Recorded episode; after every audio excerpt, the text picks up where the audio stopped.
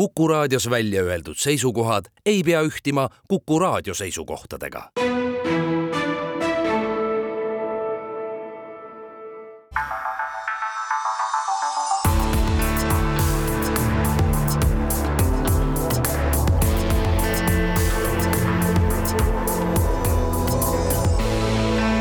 olukorrast ajakirjanduses.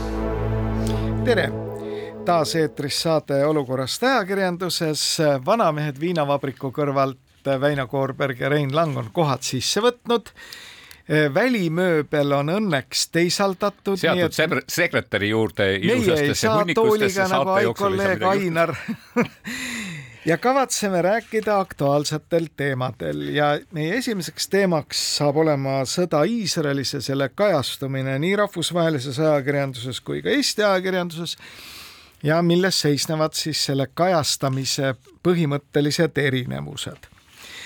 see sõda algas nagu välk selgest taevast, terroriorganisatsioon Hamas ründas Iisraeli kõigi jõududega maalt, õhust ja merelt. Ja täna on üsna üksmeelne seisukoht kõigi selliste arvestatavate poliitiliste vaatlejate hulgas, et tegu on Iisraeli luure kõige, seni kõige kapitaalsema läbikukkumisega Soome ajakirjandus eelkõige üle ehk Üleisraadio taipas kohe, et see rünnak ei ole mingisugune kohalik konflikt, vaid globaalse tähendusega sündmus ja asus kohe asja kallale. üle teleuudised tegid ka peauudistele eelneva erisaate ja kell kakskümmend kolmkümmend alanud peamine uudistesaade, päeva kõige tähtsam uudistesaade, mida siis saab võrrelda Aktuaalse kaameraga Eestis oligi ainult sellest teemast ja ilmast, oli kaks teemat, ilm ja, ja Iisraeli sõda. no kui vaadata nagu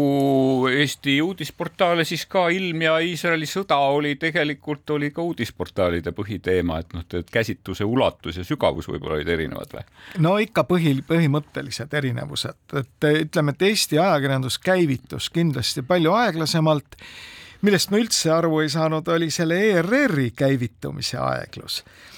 et millest oli siis, ilmselt oli äh, tegemist, esiteks oli puhkepäevaga, kedagi polnud tööl, sabat, eks ole, ei saanud kedagi kätte, keegi ei julgenud ka võib-olla võtta vastutust, et kohe jõuliselt nagu küsida mingisuguseid kommentaare. igal juhul see oli märksa aeglasem nüüd äh, Kuku raadiost mina kuulasin äh, kommentaare nii Rainer Saksalt kui Marko Mihkelsonilt, mõlemad no ütleme, ühe inimese näol on tegemist sellise julgeolekuspetsialistiga, teise näol selgelt poliitikuga ja poliitik ütles kohe välja oma kindla seisukoha, et Iisraeli tuleb igatepidi toetada ja ei maksa välistada kogu selle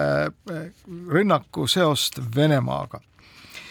nüüd miks see ERR siis nüüd jälle venitama jäi, mul tekkis kohe mõte, et huvitav, et kas äkki oli vaja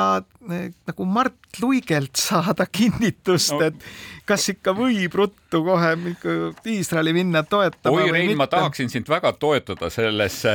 selles, kuidas selles vihkamise minutis, Rahvusringhäälingu vihkamise minutis, aga ma paratamatult pean jääma pisut teisele seisukohale, et tavaliselt on need põhjused muidugi palju,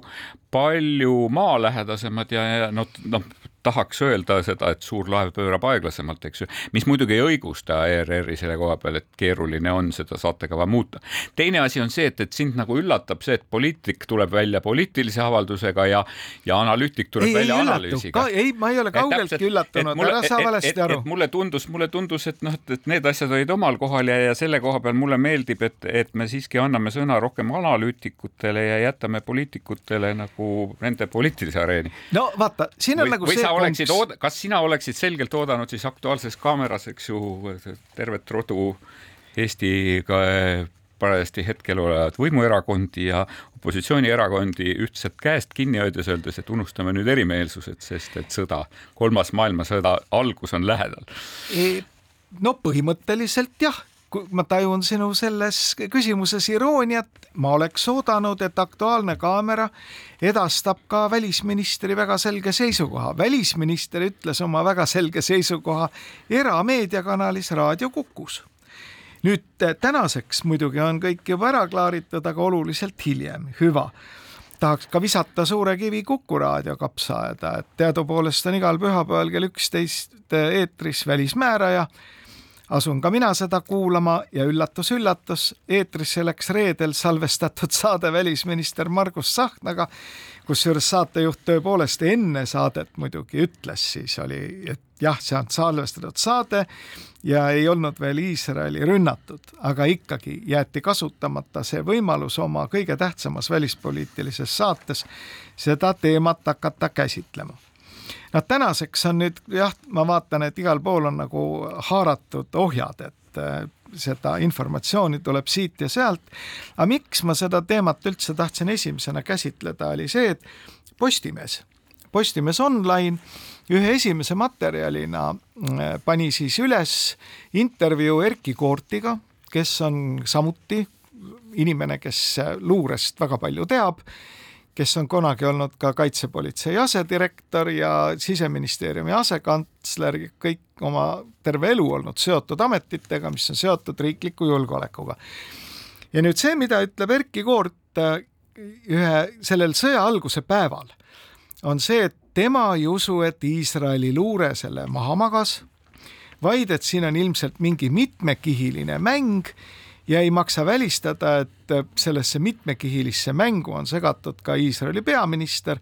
et tegelikult ei ole Mossadi puhul see võimalik, et luure on nüüd nii palju eksinud. tähendab, see viide oli mulle nagu väga hämmastav. Sisuliselt näidati ikkagi näpuga, et ei ole võimatu, et Iisraeli poliitikud, kes on sattunud raskesse olukorda, on ise kutsunud moel või teisel konflikti esile, esile. konflikti, mille käigus hukkuvad Iisraeli kodanikud ja no see oli minu, ütleme, talumisvõime teatav piir. nojah, et, et paratamatult võib-olla selle koha peal, et tuleb, noh, ma täpselt pean siis muidugi uurima konteksti, et kas seda oli esitatud nagu eh, analüütiku enda nagu mõttena või see ei, absoluutselt, et, absoluutselt, see oli Erkki Koordi seisukoht. ühe niisuguse mõttevälgatusena noh, et, et ei saa välistada, et leidub neid inimesi, kes mõtlevad niimoodi ette, eks ju niimoodi, mis, mis noh, tõepoolest, äh, kui loogiliselt mõelda, on, on väga keeruline, et ühtepidi tundub nagu vandenõulaste mustritesse sobitub hästi, et nüüd see annab nagu selgelt Iisraelile põhjenduse Gaza sektoriga üks-null teha, eks ju, aga aga tõepoolest, et mõelda siseriiklikult tagajärgedele säärase ja ka rahvusvahelisel tasandil nagu sellele, et kui häbisse sa oled tegelikult jäänud selle, selle kriisi keskel. kui ja. häbistav see on olnud ja mitte üksnes siin, mitte üksnes sinu nagu luureteenistustele, ka sinu sõjaväele, ka sinu nagu kaitsekontseptsioonile ja kõigele sellele, et siis see, siis tõepoolest, see on väheusutav. mina vaatan nagu teatava imetlusega seda Iisraeli tänast situatsiooni, kus siis kõik Iisraeli poliitilised tähtsamad parteid ja poliitilised liikumised, rääkimata siis kõikvõimalikest teenistustest ja armeest, on ütelnud, et klaarime kõike seda, kes on süüdi pärast seda, kui me oleme olukorra kontrolli alla saanud ja selle sõja võitnud no, ja mis, on, on mis, väga ratsionaalne. mis on väga loogiline, et kui sa mäletad seda, et, et tegelikult, et Ukraina sõja see viimatine kuum faas, kui puhkes ka veebruaris kaks tuhat kakskümmend kaks, et et siis me kuulsime ju ka tegelikult Martin Helme suust, eks ju, tegelikult täiesti ootamatut üleskutset parlamendiüleseks koostööks, eks ju, erakondade üleseks koostööks, eks ju, kõik selle ühise vaenlase vastu. no nüüd me oleme seda koostööd näinud, aga teeme siinkohal väikese pausi.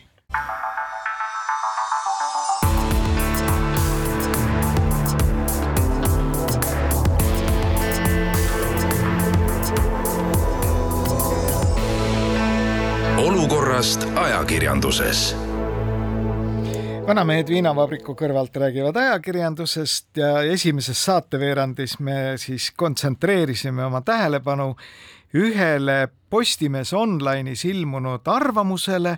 kus luureekspert ja endine luuraja ütleb, et luure ei kuku läbi, et siin peavad olema ikka mingid mölakatest poliitikute no luure kukkus läbi käe. ikkagi viiskümmend aastat tagasi ka vist selle, selle eelmise korraliku sõja ajal, et sest pärast, pärast seda Yom Kippuri sõjalist konflikti ikka päris mitu juure, luurejuhti lasti, lasti Iisraelis lahti ka ja, ja me just enne saate ees rääk-, rääkisime filmist Kolda vist, mis parajasti on jõudnud ekraanidele, Helen Mirren koha, kehastab seal eh, toonast Iisraeli peaministrit Golda Meiri, eks ju, kes, kes peab samasuguse konfliktiga tegelema, et ma praegu panin ennast väga Iisraeli peaministri kingadesse ja ei kujutanud ettegi. nojah, vaata lugu selles, et luure kukub läbi üsna tihti, ainult et luure läbikukkumistest me reeglina ei, teada, teada ei saa või saame viiekümne aasta pärast no jaa, aga kui nagu vaadata seda konflikti, siis me saime väga hästi teada, eks ju, tegelikult, et et kui tähele panna, et kui see konflikt lahti läks, et tegelikult sotsiaalmeedia oli kõigepealt täis, eks ju, tegelikult Hamasi võidukaid video, videokaad- või Hamasi tiktokkerite võidukaid videokaadreid sellest, eks ju, kuidas, kuidas ratastoolis memmedele suruti automaadid põlvedele ja, ja sunniti neid nagu Victori märki tegema või kuidas, kuidas autokastis veeti pantvange, eks ju, kes esialgsete andmete kohalt pidid olema Iisraeli armee naissõdurid, hiljem selgus, et need olid lihtsalt Saksamaalt pärit kontserdikülastajad. muide, minule meeldis et, et selliste, ma just ma, ma just selle koha peal nagu mõtlesin, et, et, et sääraste konfliktide puhul, eks ju, et kui kiiresti sa peaksid reageerima, eks ju, kui värvikas ja emotsionaalne sa peaksid alguses olema, eks ju, ja kas see nagu teatav nagu meedia kõhklus mõnikord tuleb meile ka kasuks või? minule väga meeldis Rainer Saksa mõttetera, et nüüd me alles hakkame nägema seda laviini kõikvõimalikust valeinformatsioonist ja venelaste propaganda ja diplomaatiliste teenistuste sellistest ofensiividest sest see on nagu, no ei saa olla midagi maitsvamat kui see konflikt praegu Kremlile. Et kõik see masin pannakse tööle täistuuridel ja me hakkame nägema kõiki neid vilju. et see juba, et kui Hamas, mis on ju tegemist sellise noh, klassikalise islami terroristliku organisatsiooniga, mis värbab oma võitlejaid lihtsameelsete hulgast, kes arvavad, et kui nad tapavad uskmatust, nad saavad paradiisi ja nautida seltskonda neitsitest, jah, seitset neitsit ühe korraga aga seekord olid nad ju tegelikult ikkagi valmistunud ette sellise hübriidrünnaku rünnak eelkõige tsiviilelanikkonna vastu, millega siis kaasnesid tohutud meediaoperatsioonid, mida iganes. ja sellega ei olnud tõesti Iisrael võimeline nagu kaasa minema ja, ja seda koheselt tõrjuma ja nüüd selline mõttekäik, eks ole, et tegelikult on kõiges selles värgis mingil moel süüdi Iisraeli poliitika või jumal teab, mis asi on just täpselt see, mida tegelikult nüüd äh, venelased üritavad ka nüüd lääne ühiskonnale maha müüa. nüüd mina ootan suure huviga kust algab sionismivastane võitlus Eesti ajakirjanduses? no mina seda ei oota, ma lihtsalt, ma lihtsalt mõtlen, et ühtepidi väga selgelt tegelikult noh, tundub siiski, et, et Araabia maad ei soovi ise selle, selle terroristliku, kuidas seda siis nimetada erioperatsiooniga ennast nagu siduda ja on väga selgelt distantseerunud, eks ju, sellest, sellest pantvangide võtmisest ja, ja tsiviilisikute tapmisest selle koha peal. aga et no kogu see Iisraeli-Palestiina teema, ega seal Iisraeli siseriiklikult ei ole mingisugune niisugune lihtne asi ja ta ei ole tegelikult lihtne ka rahvusvahelises mõttes, eks ju, sest et isegi kui vaadata näiteks eh, eurooplaste hoiakuid selles suhtes, siis väga selgelt siin vist minu meelest kevadel tehti mingisugune uuring, kus uuriti, et kuidas erinevates riikides, kuidas inimesed suhtuvad, et see on noh ikkagi kolmandik, kellel ei ole mingit seisukohta ja siis on seal mingisugune viiendik või pisut üle viie, umbes neljandik osades riikides, kes arvavad, et selge, et õigus on Iisraelil, aga samas kõrval selle kahekümne viiel protsendil on ka kusagil mingi seitseteist protsenti, kes ütleb, et õigus on Palestiinal ja siis on veel eraldi mingisugune kakskümmend protsenti, kes ütleb, et aga õigus võib olla mõlemal ja lisaks needsamad inimesed vaatavad, aga meie enda valitsused on sootuks teisel seisukohal, nii et see on väga vastuoluline teema igal pool. aga see ongi nüüd see koht, kus me peame ütlema, et me elame demokraatias, kus igaüks võib mõelda ja välja öelda seda, mida ta parajasti tahab. CNN laupäeval lasi ilma mingisuguse probleemita eetrisse intervjuu palestiinlasega, kes õigustas seda rünnakut kõikide vahenditega. me tegelikult, me tegelikult nägime ka videokatkeid sellest samast Gazast, mida parajasti pommitati. Gaza nii. elanike, minu meelest ma nägin seda isegi Aktuaalses Kaameras. aga nüüd kujutame nüüd ette, eks ole, kui venelased panevad tööle oma selle propagandamasina, milleks nad täna saavad muide juba kasutada ka artificial intelligence'i, kunstintelligentsi, mida iganes ja levitada kõikvõimalikku valet selle asja käigus, sest nemad on tänasel päeval ülihuvitatud sellest, et maailma tähelepanu läheks Ukrainast Lähis-Itta.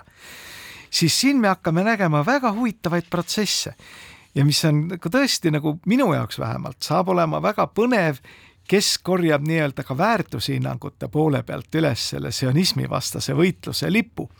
eelmisel nädalal ma nägin ühte marginaalset poliitilist väljaannet mis hakkas juba vaikselt sinnapoole tiirima. ma üritasin selle näite nende kodulehekülje pealt kätte saada täna hommikul, aga see oli sealt saladuslikul kombel kadunud. aga no jääme huviga ootama, igal juhul saab olema, no ütleme, küüniline küll, aga selle noh, sadade hukkunute taustal me näeme tegelikult enneolematut võitlust omaenda propagandavahendite, vahenditega, kuidas mõjutatakse ajakirjandust. Ja mitte ainult Eestis no,. see on ülemaailmne protsess, nii et. no äh, tehisintellekti teemal ja, ja põhimõtteliselt kogu selle Vene reaktsiooni teemal, et ega see Vene meemikeskkond on, käis ka ikka kahte sorti avaldusi, et ühed on ka avaldused, et Alla Pugatšova, Maksim Kalkin, minge nüüd sõtta ja Ksenia Tšak võtke ka veel kaasa, et eks, et te kõik olete nüüd Iisraelis sellisele kodanik, palju õnne teile. ja teisipidi tegelikult levivad meemid ikkagi, ikkagi Vene välisministri käepigistusest Hamasi liidritega, eks ju, mida on, no mis võiks olla, ma ei tea, kas kas, kui sellel inimesel üldse au ja häbitunnet on, eks ju, et ka see võiks olla nagu rahvuselt väga häbistav. aga mis puudutab tehisintellekti, et ega, ega me nende, elamegi selles võltsingute maailmas, meil veel hiljaaegu oli ju tegelikult seesama Slovakkia valimised, eks ju, ja nüüd on ju tegelikult ka räägitud, et seal isegi nende valimiste käigus on kasutatud tehisintellekti suhteliselt palju ja võltsingute juures, et et on tulnud äh, päevavalgele mingisugused salvestised, kus väidetav põhiline opositsioonikandidaat äh, opositsioonimeelse ajakirjaniku juttu räägib ja, ja räägib sellest, et kuidas valimisi võltsida ja kuidas, kui nad peaksid võimule tulema, siis tuleks alkoholismiga võitlemiseks ka alkoholi hinda, õlle hinda tõsta. pärast selgub, et kui seesama ajakirjanik nagu, kui see jõudis, kui need salvestised jõudsid selle ajakirjanikule, ütles, et sõnad on tuttavad, sõnad on tema omad, laused ei ole tema omad, eks ju, tähendab, mis tähendabki seda, et me peamegi olema üha tähele tähelepanelikumad selles osas, et mida me kuuleme, mida me näeme kuidas me hindame erinevaid allikaid. kolleegid tehnoloogiakurud vahetult enne meie saadet rääkisid ühe suurepärase juhtumi Ameerika Ühendriikidest, kus näitleja Tom Hanks, keda me kõik teame Forest Gumpina, sattus ootamatult hambavalgendusreklaami. ja tema jaoks oli see ka suur üllatus, tema ei olnud kunagi mingit lepingut sellega teinud, aga ameeriklased muudkui vaatasid, et Tom Hanks kasutab just seda hambavalgendust nii et no kui seda hakatakse kasutama turunduses ja reklaamis, no miks seda ei hakata kasutama siis sellises eksistentsiaalses poliitilises võitluses. muide, Slovakkiast hakkab tulema aina palju huvitavamat informatsiooni, kuidas siis sekkus äh, teatud seltskond ärme nimeta seda nimepidi, jäägu iga raadiokuulaja enda otsustada nendesse valimistesse ja aitas siis venemeelse Robert Fico võimule. kena, aga jääme huviga ootama. Aga meil on siin paar niisugust huvitavat teemat, mis ei seondu selliste sõjaõudustega. Ja üks nendest on intervjuu Eesti ajakirjanduses, teema kui niisugune. Ja mind ajendas seda käsitlema tegelikult kolm selle eelmise nädala intervjuud. esimene siis Taavi Minniku intervjuu laupäevalehes Oleksi Arestovitšiga, Vilja Kiisleri intervjuu samas lehes Kersti Kaljulaiuga ja Tuuli Põhjakase intervjuu Postimehes teisipäeval, kolmandal oktoober legendaarse muusiku John Lydoniga.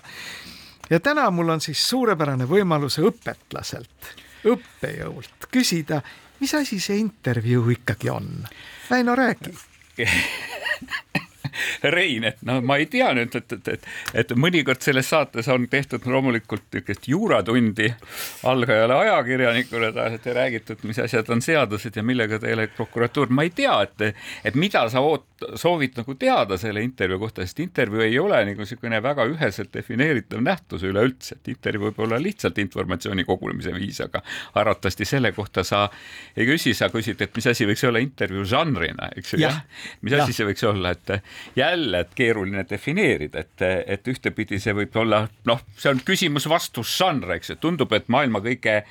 kõige lihtsam žanr, sest iga loll oskab küsida, eks ju niimoodi ja loll oskab isegi rohkem küsida kui kümme tarka vastata. et teisipidi on see väga keeruline ja väga aeglane žanr ühtepidi, sest inimest rääkima saada on väga keeruline, teda nagu asju paljastada ja välja ütlema asju, mida ta tegelikult välja öelda ei taha, on väga keeruline. arvatakse, et intervjuu on noh, kõige objektiivsem žanr, sellepärast et, et eh, sealt tuuakse ära minu sõnad, nii nagu mina seda ütlesin, aga teisipidi see ei ole, see on väga ebaobjektiivne žanr, sellepärast et, et kui ma midagi ütlen, siis ma võin asjale vaadata omaenda vaatevinklist, omaenda huvidest lähtuvalt, omaenda sõnadega, ma võin valetada ja see on minu ütlemine, ajakirjanikul on väga keeruline minuga võidelda, nii et see on suhteliselt keeruline žanr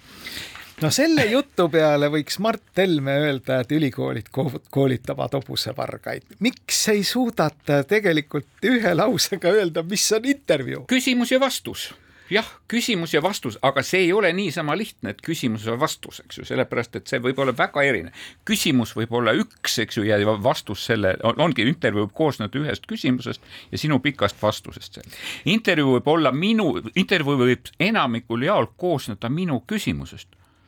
millele sa ütled vastuse ei? Nii ja, ja siin, siinkohal teeme väikese pausi ja siis vaatame neid kolme intervjuud läinud nädalast just selle pilguga, mida Väino rääkis.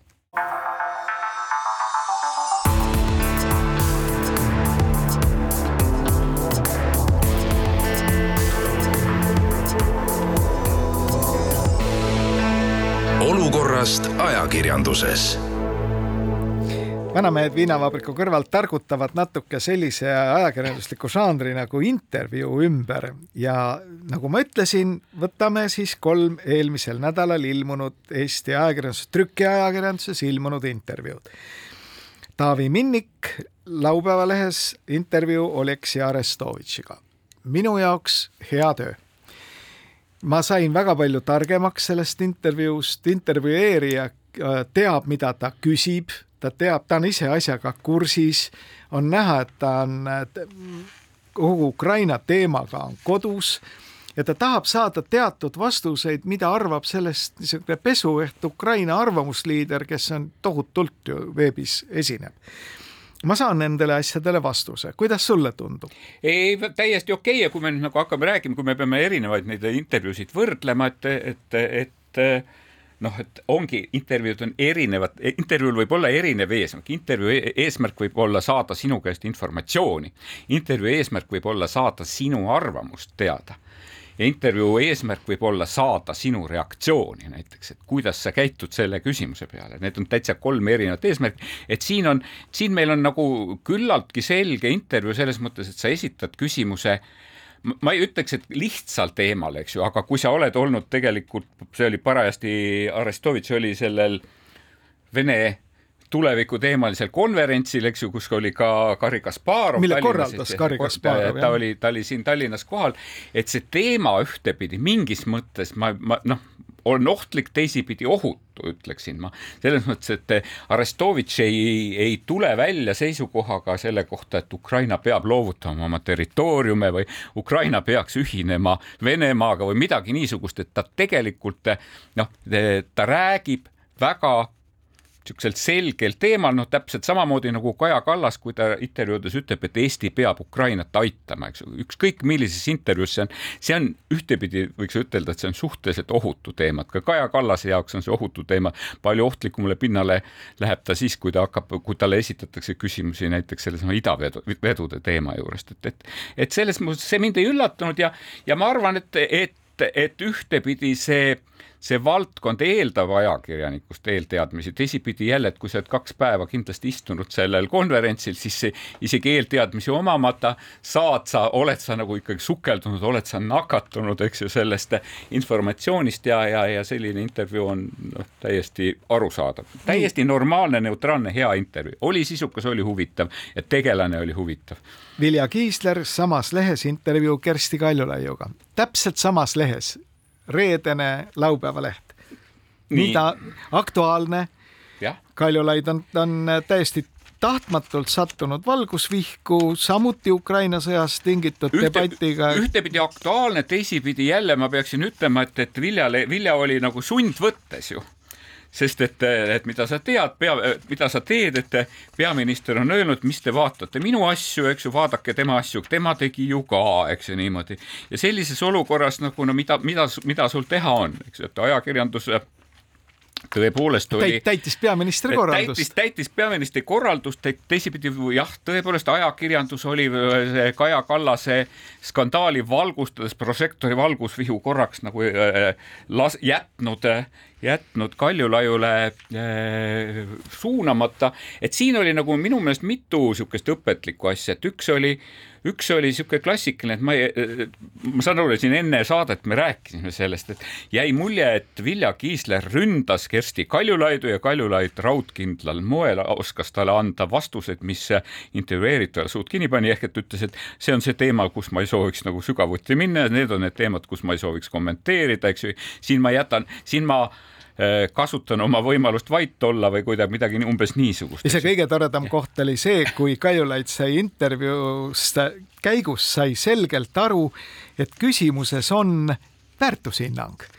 Ja vastab minu arvates täiesti geniaalselt, jään väärikalt eriarvamusele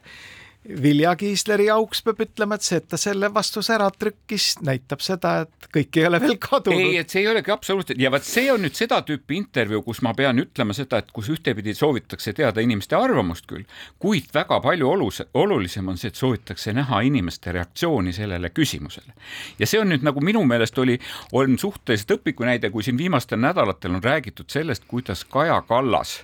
kuidas Kaja Kallas noh, on kuidagi ajakirjandusega jäänud väga kargetesse suhetesse, et kui olla diplomaatiline ehk et, et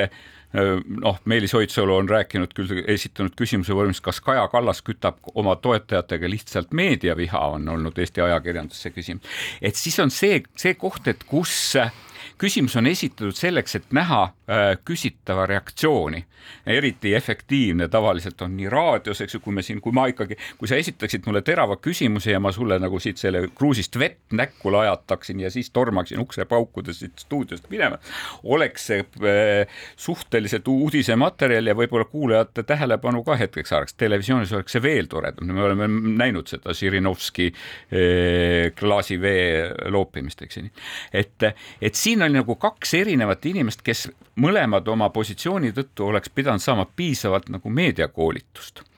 Ja tundub siiski, et üks on koolitunnid paremini ära teinud, et mulle tundus, et Kersti Kaljulaid selles intervjuus tuli nagu väärikamalt välja, sellepärast et ta ta andis väärika vastuse selles mõttes, et ta ei hakanud, ta ei üritanud ajakirjanikku paika panna, minu meelest ta ei üritanud eks ju, et lihtsalt võtame, see vastus oli, see oli, kui ma ei soovi öelda, siis ma ei ütle, ma ei pea ütlema selle kohta, et sa küsija oled loll, eks ju et eh, väga normaalne vastus oli. jah, ma, mina muidugi tajusin sealt natukene ka intervjueerija solvumist, et ikkagi ta ei saanud neid vastuseid, mida ta nii väga lootis saada. ma ei ole kindel. ja läks ma, veel rohkem ma, närvi. ma ei ole kindel, tähendab, ma arvan selles mõttes, et me peaksime vaatama, Vilja Kiisler on sedasorti intervjueerija, et, et kus ühtepidi, et kus juba, et temast on saanud ühtepidi kaubamärk, see kaubamärk me alati võime tuua Urmas Otti, eks ju, niimoodi sinna talle ette ja, ja seada need, need suured äh,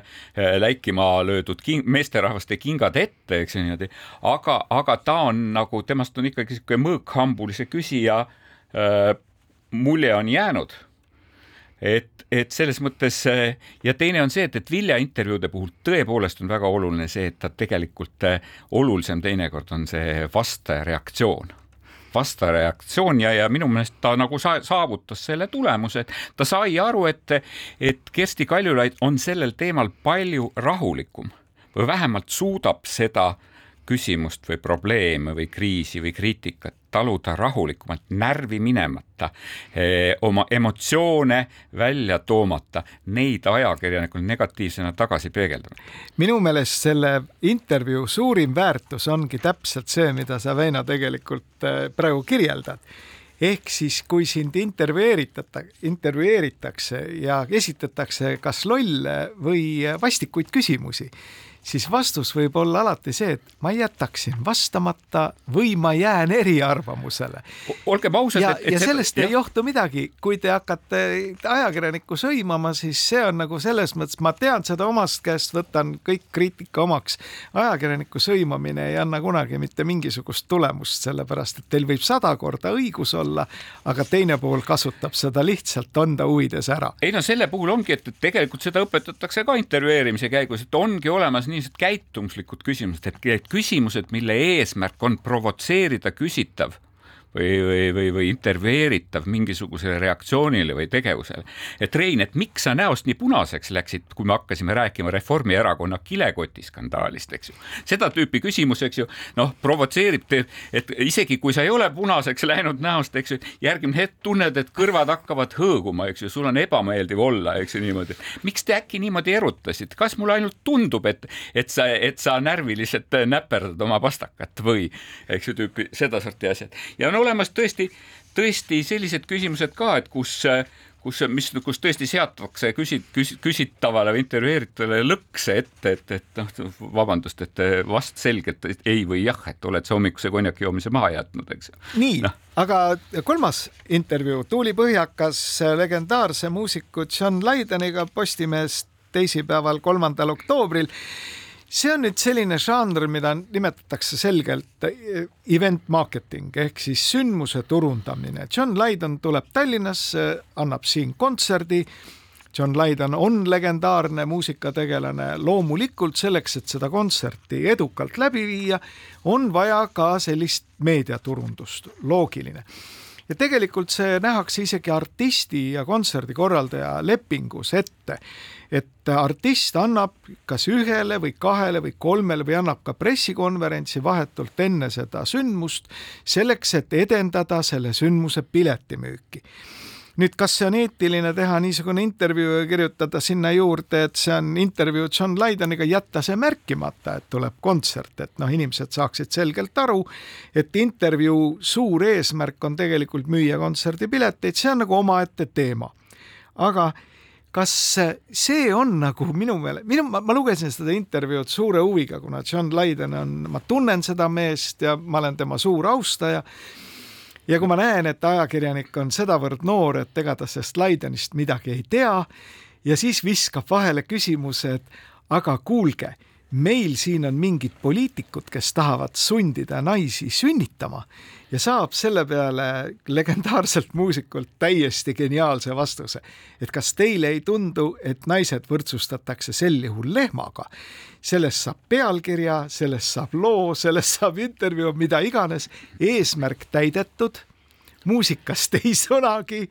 ja eesmärk ongi nagu ellu viidud. ja see... nüüd, no jälle me oleme enne saadet kahjuks Reinuga kahekesi sellel teema üle väga tublasti vaielnud ja mina olen nagu selle käigus kirjeldanud oma ainukest kohtumist John Lydoniga eh, Riia, Riiga areenal, eks ju, kus, kuhu oli Baltimaade peale kokku umbes kolmsada kontserdikülastajat koos tema Sex Pistolsi esinemist vaatama tulnud. aga see selleks, eks ju, aga no väga sageli sedasorti nagu event marketing, meil, meil nagu jäigi nagu vaidlus, et me, me kõnnime mööda väga noatera, et reklaam versus sisu, et väga sageli ei ole tegu nagu reklaamiga, ei ole rekla reklaami- ja turundusosakond ette kirjutanud äh, autorile, et tuleb teha superstaariga intervjuu, vaid tegelikult pakutakse seda võimalust, loomulikult sellega kaasneb ka, ka avatus turundusele, midagi pole teha, eks ju, inimestele meeldib osta pileteid, eks ju, nendele kontsertidele, millest räägitakse, artistide kontsertidele, kes annavad intervjuusid, raamatud, osta raamatuid, mida, mida telesaadetes näidatakse ja me oleme sellel teemal teemal jube palju nagu ring, tavaliselt ringvaate näidetega oleme rääkinud. täpselt, täpselt. kõige eredam näide oli vist toona siis, kui Elton Johni raamat, ei pakutud mitte võimalust intervjuust, vaid pakuti Elton Johni raamatu turundus või kirjastuses valmis, valmis lõigatud intervjuud juba Elton Johniga, eks ju, see selleks, eks ju, nii et. aga väga sageli on muidugi nii, et, et sedasorti staarid noh, ei ole nagu see, et,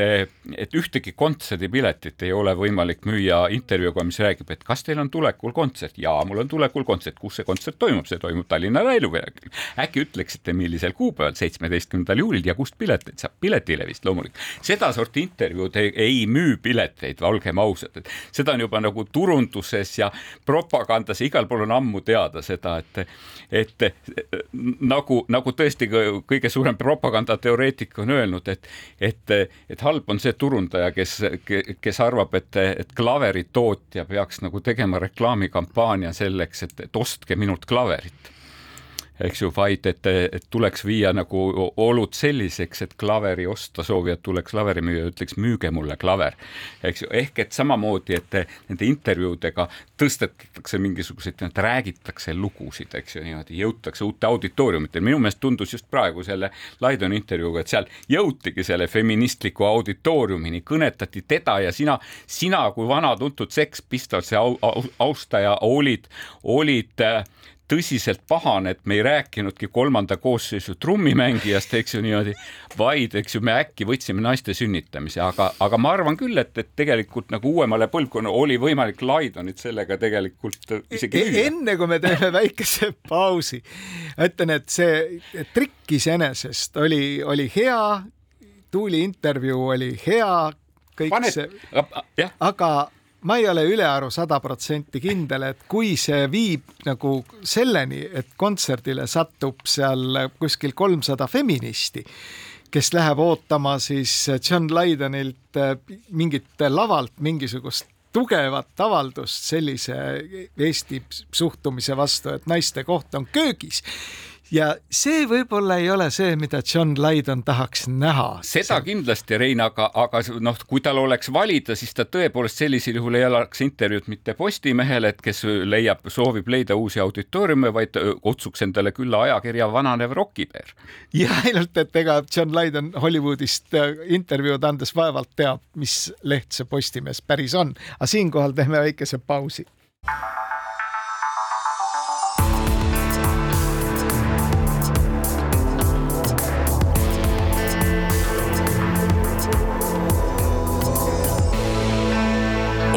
Olukorrast ajakirjanduses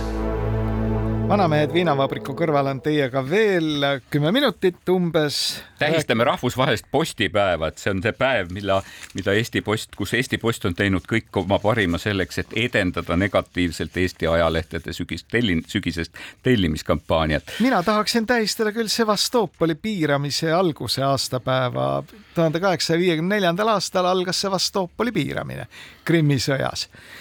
aga hüva, kui äh, Rahvarindele tekkis äh, konkurent kaheksakümne kaheksandal aastal ja nimetati see Interrindeks, kus oli igast toredaid tegelasi nagu Jevgeni Kogan ja ja Arnold Sai ja Jarovoi. Jarovoi ja niisugused tüübid, eks ole, siis nemad võtsid oma selliseks lipukirjaks, et meid ahistatakse, nas ušemljajut ja millegipärast tuli mul see lugu meelde, kui ma lugesin Postimehest äh, Martin Ehala, kellest ma väga lugu pean, kirjutas selle kohta, kuidasmoodi sotsiaalliberaalne ajakirjandus ahistab konservatiive. ja millest see siis lugu algab sellest peale, et Martin Ehala annab Postimehes sellise võimsa vastulöögi Vikerkaares ilmunud Peeter Kase ja Tõnis Saartsi loole ja jällegi üks asi, mis mul sellega seoses veel meelde tuli, oli see, kuidas omal ajal ajaleht Sirp ja Vasar andis põhjaliku vastulöögi Rein Ruutsoole, kes oli kirjutanud teadustöö Hans Pöögelmannist. ja Sirp lõi siis äh, selle teadustöö maa sisse väga suurte põhjendustega, teadlane Rei-, äh, Rudolf Rimmel kirjutas põhjalikult, kuidas Ruutso ei ole Pöögelmannist üldse mitte aru saanud. ja siis mulle meenub veel see nali, mis käima läks vahetult pärast seda Sirbi ja Vasara artiklit, et kes see selline on Ruutso ja miks teda materdatakse. ja hiljem seda laiendati ka Hirvepargi koosolekutele, kus siis rahvas küsis õigustatult, et kes on Tiit Madisson ja miks teda Eesti ajakirjanduses sõimatakse. nüüd see minu meelest see tees, et nüüd Eesti ajakirjandus ahistab teatud maailmavaadet, jah, kahtlemata niimoodi saab mõelda, nii nagu ja nii saab ka öelda, Eesti on demokraatia. nii nagu saab mõelda ka seda, et Benjamin Netanyahu ise initsieeris Hamasi rünnaku, eks ole. aga teatud tingimustel siiski ma eeldaks, et mõtlevad inimesed analüüsiksid põhjalikumalt seda situatsiooni, enne kui nad niimoodi väidavad. ja täpselt samamoodi ma tahaksin tsiteerida siin äh, Sirbis ilmunud Tiit Hennoste kirjutist, kus ta siis äh, juhtkirja koha peal räägib oma lörri läinud New Yorgi sõidust, aga siin on B-s tsiteerin Tiit Hennostet, miks ma kirjutan seda kurvapoolset juttu lohutuseks. kodus ootab kümne päeva lehepakk, internet ja eesti keel. ja neist lendab pähe tunne, et kogu Eesti elu on üks konservatiivide copy and paste ikka Espak või Vahtre või ennast hüsteeriasse röökinud Helme juunior. aga ei, vikerkaare vahelt ilmub välja radikaal Pärnits, kes kuulutab, et maailm ei vaja eesti keelt ja kõrgharidust võiks pakkuda veel enam inglise keeles no, ilu on vaataja silmades. no sina leidsid nagu seal just konservatiivse ja liberaalse vastasseisu, mina tegelikult leidsin möödunud nädala ajakirjandusest palju, palju selgema vastusseisu, mis mulle, mis, mille üle ma ise olen ka teinekord väga tihti mõelnud ja mille üle me selles saates oleme rääkinud, Meelis Oidsalu, kes ütleb, et ta ei saa kohati aru, kus lõpeb valitsuskommunikatsioon ja kus algab ajakirjandus. Ja ta ütleb, noh, toob selle näite, ta tõi näite Eesti Ekspressist Eero Epneri loo Kaja Kallase rahvusvahelisest Ukraina kasuks võitlusest, eks ju, ja, ja ta arvab, et ka minul tõuseksid jalad lahti sellise eri, maast lahti sellise erikohtlemise peale ja kui ma oleksin Salki liige, siis kui ma meenutaks seda Eero Epneri lugu, kuidas valimised võitis Tarmo Jüristo, et siis ka Jüristo jalad tõuseksid maast lahti ja, ja ja siis ta meenutab seda, et Eesti ajakirjandus teinekord võtab hoopis nagu väga selgeid niisugusi jõu, nõuab jõuliseid ja väga riigitruid meetmeid, mida tuleks nagu tarvitusele võtta ja ja, ja toob ta tegelikult ka näite, ma isegi mõtlesin, et me võib-olla selles saates natukene peaksime rääkima, mul endal oli seesama tunne, et möödunud nädalal ETV-s oli, algas, sai alguse uus arutelusaade Impulss, eks ju, kus, kus räägiti sellest, kas Moskvasse õppima läinud noored tudengid, eks ju, kujutavad julgeolekuohtu või mitte, oli nagu küsimus püsti pandud. Ja Meelis ütleb, et avasaate alapealkiri oleks võinud olla ka rahvakohus, sest julgeolekuga seotud teemat käsitles toimetus kitsalt kaitsepolitsei vajaduste see vinklist, eks ju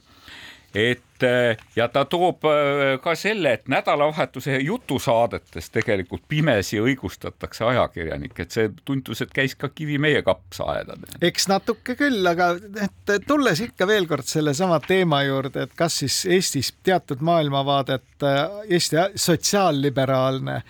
ajakirjandus ahistab või ma ei, küll ei kirjutaks sellele alla, et eks see ilu ongi tegelikult ikkagi vaataja silmades, et kui sa ise oled nagu konservatiiv, siis sa kindlasti leiad, et sotsiaalliberaalne ajakirjandus teeb sulle liiga. kui sa oled selline vasakradikaal, siis sa oled puruvihane loomulikult ka näiteks Postimehe peale, kes, kes annab sõna, kes annab, nii et kes annab, kes, kes annab sõna konservatiivile, et, et noh, see on see, aga no tegelikult eks seda tasakaalu on keeruline leida, no ma saan aru, et, et ERR-i nõukogus üritatakse ka seda tasakaalu teinekord leida, et, et, et, et, et palga... koalitsiooni ja opositsiooni vahel ja võtta sekundi mõõtjaga aega, et kui palju keegi sõna sai, me ju. täna kahjuks ei saa sellel pikemalt peatuda, aga ERR-is see tasakaalu otsimine tundub olevat juba see, et anname tasakaalu huvides FSB-le ka võimaluse propagandat levitada. no nagu... selles, ega annamegi kõik, kõik, kõik kõigi huvilist. ei, me see, see teema, et kuidas ETV Plussis tegelikult äh, näidatakse Vene propagandafilme, et see ei ole midagi uut, seda tõepoolest on ERR-i juhat- või nõukogu mitu korda ju arutanud ja meiegi selles saates oleme meenutanud, eks ju, ja me ei pea meenutama mitte üksnes seriaali Seitseteist kevadist hetke, mis on tehtud KGB, ma ei tea, kas ka KGB kahekümne viiendaks aastapäevast vist, eks ju. et me võime tõesti tuletada meelde, et, et meil on näidatud tõesti nii Vene vastuluurajate teemalisi seriaale, meil on tegelikult näidatud seriaale, kus noh, on teada, et kõik, mis mis on nagu ütleme, kahekümne esimesel sajandil Vene nagu filmi ja seriaali toodangust välja tulnud, et sellel kõigel on ideoloogiline maik juures, et noh, see sai algus juba kahe tuhandete alguses, kui olid suurepärased filmid, ma mäletan, et me oleme tulevikust et kus e, e, esimeses osas e, noorukid võitlesid fašismiga, teises osas võitlesid bandeeralaste ja Ukraina natsionalismiga, sealt tuli nagu selgelt. kui me vaatasime ka meie nagu eetris oli see Katariina teise teemalised seriaalid, mis, mis, mis neid iganes ei olnud, väga kihvtilt tehtud, ilusad, dramaatilised, ilusad kostüümid, aga seal varjus oli kogu aeg see suur Vene imperialistlik idee, eks ju. et ja nüüd, kui ma tegelikult kuulsin ETV peatoimetaja suu läbi seda, kes on teatavasti ka Venemaa kodanik, eks ju niimoodi, et, et meil ei ole ühtepidi inimesi, kes neid asju üle vaataks, eks ju. ja kui ma seda kuulen ka tegelikult Toomas Luhatsi suust, eks ju, et, et, et meil oli selline apsakas, et me lasime eetrisse filmid ilma, et me oleksime vaadanud, mida need endast kujutab, siis on minu jaoks suured küsimused tõepoolest, eks. suured küsimused, ma loodan, et ERR-i nõukogu neid homme ka lahendab ja arutab no selline väide, mis kõlas nagu Toomas Luhatsi suust, et mul on palju tööd, et ma hanke eest vastutava inimesena ei jõuagi kõike läbi vaadata, mis ETV Plussis eetrisse läheb, see muidugi kuulub huumorivaldkonda nii et eks näis, millega siis eh, nõukogu jälle tegeleb. et kas, et kas, kas nõukogu jääb rahule nagu vastu võetud sammudega, sellepärast et eh, noh, me vist arvatavasti selles saates ei jõua, küllap järgmises saates arutame seda, et kas see niinimetatud venemeelse kaastöötajaga koostöö lõpetamine ETV Plussis, eks ju, et kas see siis oli nagu piisav vastulöök, kas see neutraliseeris seda kõike? nii, me ei jõudnud täna rääkida Eesti, ei jõudnud kiita Eesti Ekspressi tema krüptojama käsitlemise eest, me ei jõudnud rääkida uuest seriaalist Estonia katastroofist. me ei jõudnud kiita ära Peeter Koppelit tema nauditavate kolumnide eest Postimehe me... majanduskülgedel. ei, me ei jõudnud rääkida Riigikohtu kahestumisest ja ei jõudnud rääkida ka Juku-Kalle Raidi, ajakirjaniku ja poliitiku üleskutsest lammutada Püha Nevski ja ei jõudnud rääkida ka Postimehe naise rubriigi loost, kuidas olla pehme ja seksikas ilma kapiks muutumata. no vot,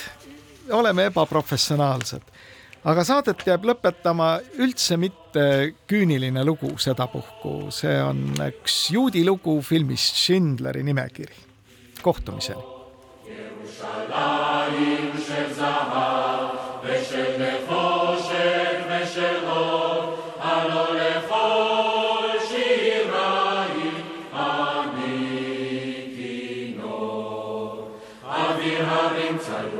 Dani, Tereacha.